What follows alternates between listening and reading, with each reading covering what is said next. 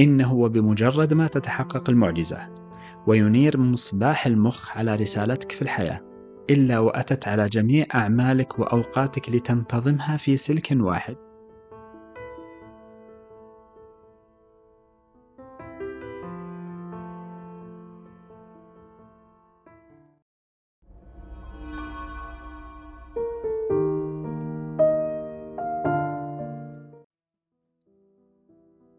هلا فيكم.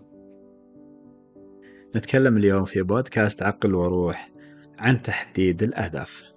نابليون هيل يقول هناك صفة واحدة يجب توكيدها من أجل الفوز وهي تحديد الهدف ومعرفة ما نريده والرغبة الملحة لإنجازه. الأهداف وموضوع الأهداف باب يطول الكلام فيها فيها مئات بل آلاف الكتب. الدورات والمواد المسموعة والمرئية كثيرة جدا لكن لا تهتم لكل هذا الركام الذي يؤكد على تحديد الأهداف لأنه يدور حول فلك واحد ألا وهو؟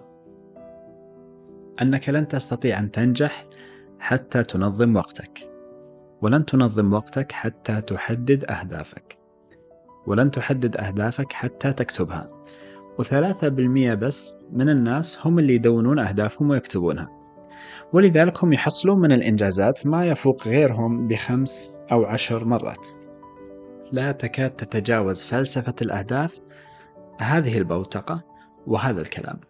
كثير ممن التحق آه، بهذه الدورات أو قرأ الكتب المترجمة أو قضى الأوقات في الاستماع لمواد اليوتيوب لم ينجح كما يريد ليس لأنه لم ينظم وقته أو لأنه لم يحدد أهدافه أو لأنه لم يكتب هذه الأهداف بل لسبب واحد فقط ألا وهو أنه مشوش ذهنيا وعاطفيا وغير متوازن.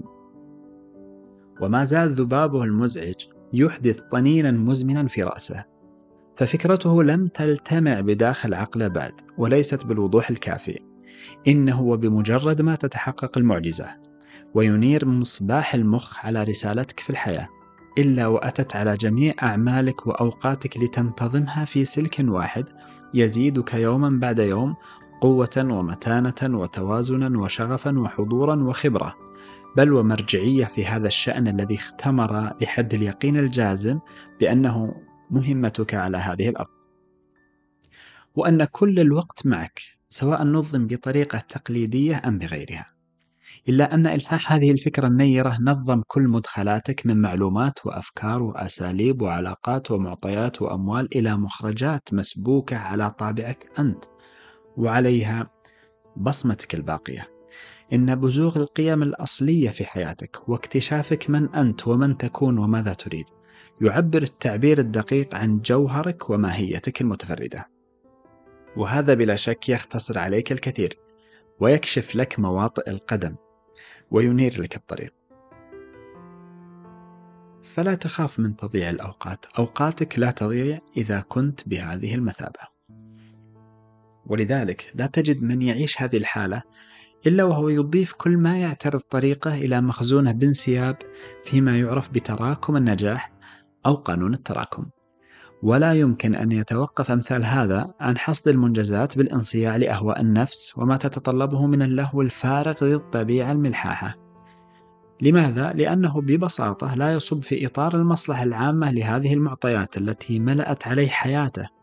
وتأكد مع طول الميراث أن أي التفات لما يفت في عضد هذا المشروع معناه الرجوع للمربعات الأولى حيث التعب والشكوك والخيارات المبعثرة لقد عرفت رسالتي في الحياة فلن يعيقني شيء بعد اليوم.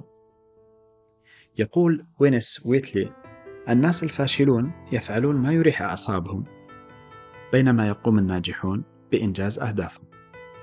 ومما قيل أيضا الأهداف تبدأ تكوين السلوكيات والنتائج تحافظ على هذه السلوكيات لأنك إذا رأيت النتائج في حياتك ستتمسك بالسلوكيات التي بلغتك هذه النتائج. ويقولون أيضا النجاح يتطلب قدرا كبيرا من الانضباط، لكننا نخاف الانضباط. نخاف من الحرمان، نخاف من المثالية الزائدة. الانضباط هنا لا يقصد به التضييق على النفس، بل السمو بالنفس الراغبة في هذا الرقي وهذا النضج، لأنها النفس المجربة النفس التي تستمتع بتأجيل المتع كي تستلذ بها بشكل أكبر وبلا ضمير وخاز. فنحن أمام إنسان قد اكتشف رسالته في الحياة. ولكن لماذا يتعثر كثير من الناس ولا يتمكنون من الانضباط المفيد؟ في باب تنظيم الأوقات وتحديد الأهداف. يعني جربوا مهارات كثيرة تقنيات كثيرة. ولم يفلحوا. الجواب أن هناك أسباب من أهمها ولعلنا نركز عليه الرحلة الزمنية لتشكل الطبع لدينا. أنت لديك طبع تعرفه عن نفسك ويعرفه غيرك عنك. هذا الطبع مر برحلة زمنية تشكل من خلالها. لابد أن نتوقف قبل تحديد أهدافنا لنعرف أنفسنا نعرف طباعنا كيف تشكلت ومن أين أتت إلينا. وهل بالفعل هي طباعنا؟ أما أن أحد أجدادنا يرغي ويزبد عبر أفواهنا.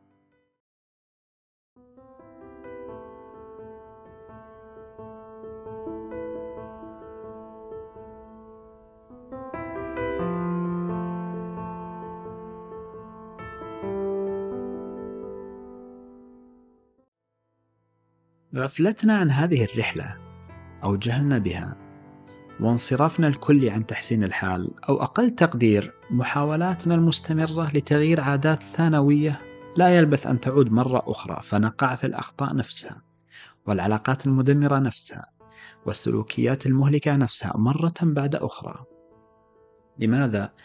لأن هذه السجية قد ترسخت فينا بعمق وصاغت شخصية الواحد منا منذ زمن بعيد فصار من المتعذر الوصول إلى الطبيعة السوية بتكتيكات قشورية شكلية لا تصمد أمام طبعنا العتيد فالعادات لا تتغير عن طريق النوايا الحسنة أو الاكتفاء بتحديد الأهداف على أهميته أو الكلام الإيجابي أو الحوار الإيجابي أو حضور الدورة تخرج من بعدها وأنت قد نويت أن تنسف كل عاداتك السلبية.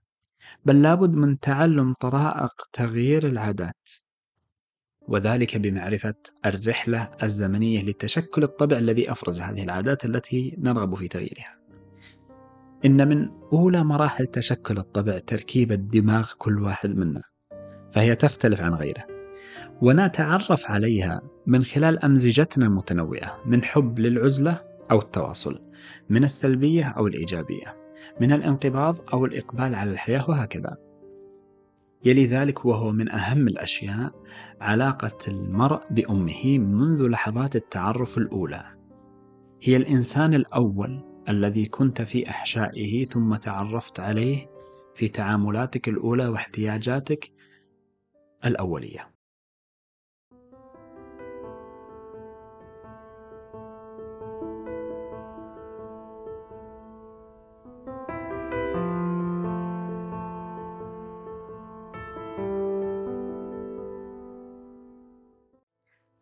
من خلال السنوات المبكرة في حياتنا نعيش حالة عاطفية تكاد تكون محضة. نحن لا نتكلم ولا نفهم الكلام، لكننا نفهم المشاعر ونرسل المشاعر وننتظر المشاعر، بل يقولون والجنين في بطن أمه يشعر بحنوها عليه أو إذا ما مسحت على بطنها بحنان. أو إذا كانت لا ترغب فيه وتود أن تجهض هذا الحمل. هذا يقال. نحن في مرحلة الطفولة نقرأ تعابير الوجه بعناية فائقة. وتكون أدمغتنا لينة وقابلة للتشكيل أكثر. انظر للطفل الصغير تبتسم إليه يبتسم. وهكذا. ومن هنا فتعابير وجه الأم وعنايتها وجميع ما يصدر منها يحدد نوع العلاقة فيما بعد. وكذلك يساهم بشكل فاعل في تصوير طباعنا في أنفسنا. فهناك الأم مفرطة العناية والأم التي تعطي مساحة من الاستقلال والأم المهملة والأم المشغولة والأم المضطربة والتي تفيض بالحب والحنان لتقطعه فجأة بلا مبرر مفهوم للابن وإنما هي مشكلات خاصة بها. فينشأ الابن متردد في المجتمع يقبل ثم يدبر. يهتم بالشأن العام ثم لا يبالي وعلى هذا قس وبعد ذلك لا تسأل عن الاعتماد على المربيات ليتدخل في عملية تشكيل الطبع ومنذ الوهلة الأولى شخص غريب وبخلفية ثقافية وبيئية غريبة. إنه ليس من بيئة المصدر والأم وليس جزء منه مثل الأم. لذلك مع تقدمنا في العمر تساهم التجارب والتعامل مع الناس من معلمين أصدقاء والبيئات في مسار طباعنا وذلك بتخفيفها أو استثارتها. وبناء عليه إذا أردت أن تكون سمحا ومنفتحا وصامدا للشدائد وتملك روح الفريق وتشعر بالآخرين فعليك أن تقرأ جيدا الرحلة الزمنية لتشكل طبعك. لتحاول التخفيف من الآثار السلبية على طباعك. ولكن لا تطمع في قطعها تماما إلا أن يصطفيك الله ويفتح لك فما يفتح الله للناس من رحمة. فلا ممسك لها. وبعد ذلك لا بد لك من التأكد من أن أهدافك هي بالفعل ملك لك. وليست خيالات أسقطها عليك. المجتمع وانتظرها منك. فصدقت أن ما يطلبه منك معلموك أو أصدقاؤك أنه بالفعل هدف لك. إن التأمل في الرحلة الزمنية لتشكل طبعك وتأثرك بالبيئة المحيطة والأشخاص المؤثرين خير معين على تحديد الأهداف التي تخصك. والأهداف التي تم فرضها عليك أو الإيحاء بها لك فنفذت لعقلك بعمق في غفلة من عمر الزمن. أضف إلى ذلك ضرورة وضوح الأهداف في ذهنك قبل كتابتها على الورق.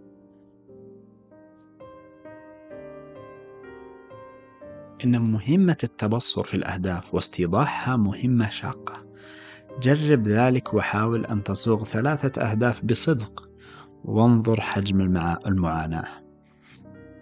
فالمطلوب ليس أهدافا عامة عائمة من مثل أريد أن أكون غني أو قوي أو سوي بل أريد أن أحقق الرقم الفلاني في المال والرقم الفلاني في الوزن وأكتسب المهارة الفلانية في غضون شهر سنة أقل أكثر ويكون ذلك تقريبيا بلا شك ولكن قابل للقياس. أطلنا هنا لأهمية هذه المعلومة ومحوريتها في تحقيق تحقيق الأهداف ألا وهي الرحلة الزمنية لتشكل الطبع.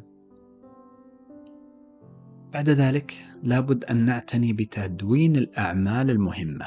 بعدما حددنا أهدافنا وعرفنا طباعنا كيف تشكلت المؤثرات علينا ندون الأعمال المهمة التي أفرزتها الأهداف. وهذا ما سنتعرف عليه في الحلقة القادمة بإذن الله. إلى اللقاء.